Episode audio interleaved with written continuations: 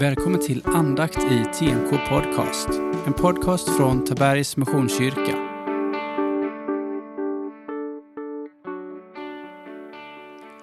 Jag heter Daniel Lundstedt och är en av församlingens pastorer. Välkommen till våra andakter. Vi fortsätter vår läsning från Johannesevangeliet. Och vi är vid Johannes kapitel 8, verserna 48 till 59. Så här står det. Judarna sa, har vi inte rätt när vi säger att du är samarier och att du är besatt? Jesus svarade, jag är inte besatt, utan jag ärar min fader, men ni skymfar mig. Jag söker inte min egen ära, men det finns en som söker den och som dömer. Sannerligen, jag säger er, den som bevarar mitt ord skall aldrig någonsin se döden. Judarna sa, nu vet vi att du är besatt. Abraham dog och profeterna likaså. Men du säger att den som bevarar ditt ord aldrig någonsin skall möta döden. Skulle du vara större än vår fader Abraham? Han dog och profeterna dog. Vem tror du att du är?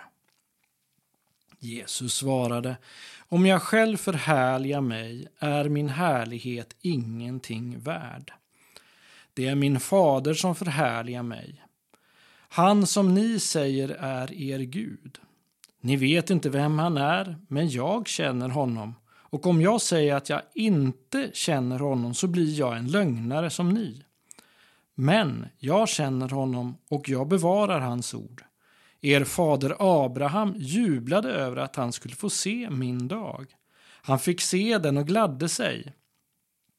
Judarna sa då till Jesus, du är inte 50 år och ändå har du sett Abraham.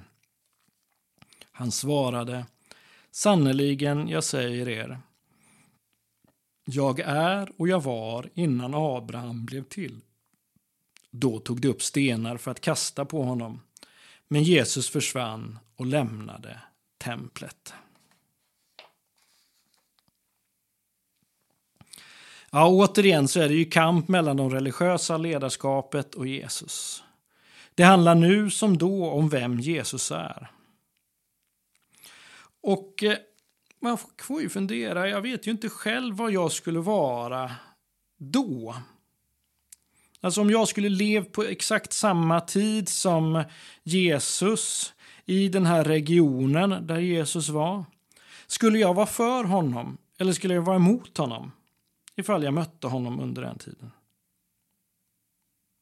Det är ett frågetecken. Ett litet svar är så här. Hade jag inte blivit berörd i mitt inre av det han sa eller gjorde skulle jag säkert avfärdat honom som en människa som sprider lögner.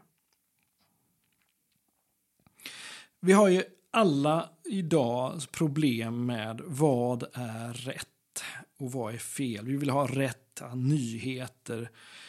Det här ordet fake news är ju väldigt eh, på tapeten.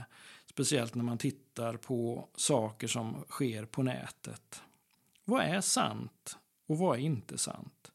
Och så var det ju redan då, även när man inte hade eh, internet. Nej, men, jag är en person som jag har rest en del, men ett ställe som jag inte har varit på så är det Australien. Eh, så jag har ju inte fått se kängurun så att säga i sin verkliga eh, situation där den ska vara. Jag har sett bilder på det och jag har sett den på tv. Men då kan man ju faktiskt säga så här. Jag har faktiskt ingen egen erfarenhet av det här djuret.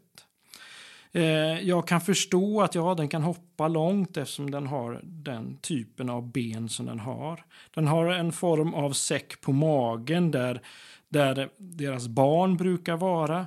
Men jag har ingen större erfarenhet om det här djuret. Och skulle jag vara lagd åt det hållet så skulle jag faktiskt kunna säga så här. Eftersom jag inte har en personlig erfarenhet av djuret känguru så skulle jag i så fall säga att det finns inte det djuret eftersom jag inte har sett det med mina egna ögon. Inte då genom en tv-apparat eller så, men jag har inte fått se det, ta på det eller någonting. Så därför kan jag inte tro på att det här djuret existerar. En del av er som lyssnar tycker kanske att ja, din, ditt sätt att resonera det är ju helt jättekonstigt. För det är klart att vi vet att djuret känguru finns. Och ja, jag erkänner att ja, eh, djuret känguru finns. Eh, men det är för att jag väljer att lita på de som har gjort olika tv-program, personer som har varit i Australien, som jag har träffat. Jag väljer att lita på att deras berättelse är sann och riktig. Det är ett val jag gör. Och det är egentligen samma sak när vi pratar om Jesus.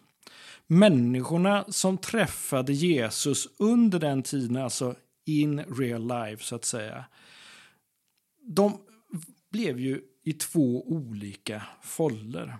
Där ledarskapet i, i det judiska ledarskapet var i en folla och andra människor som följde Jesus var i en annan folla.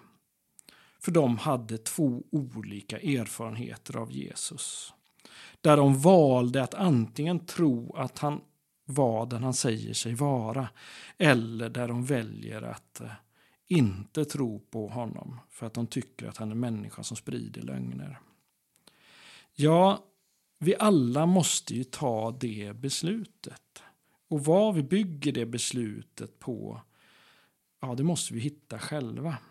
För min egen del så är det ju så här att när jag läser bibeltexterna och läser den här texten så gör jag det i ljuset av att Jesus har dött och uppstått som jag har valt att sätta min tillit till. Och jag har fått erfara en beröring i mitt inre av Jesus och fått uppleva hans förlåtelse. Därför väljer jag att tro att Jesus är den han säger sig vara. Alltså Guds son. Hur du väljer, det är ju faktiskt upp till dig. Vi ber. Tack Jesus att du har dött och du har uppstått för oss. Tack att erbjudandet finns då som nu att få ha en livslevande relation med dig. Tack att du vill ha det med alla som vill vara med dig. Amen. Ta emot Herrens välsignelse. Herren välsigne dig och bevare dig. Herren låt sitt ansikte lysa över dig och vara dig nådig. Herren vänder sitt ansikte till dig och ger dig av sin frid.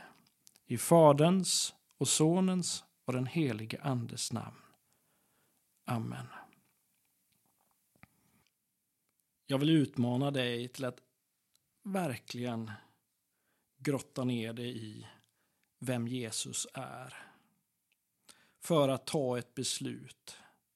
Att säga ja till honom eller att säga nej. Våga testa. Våga prova.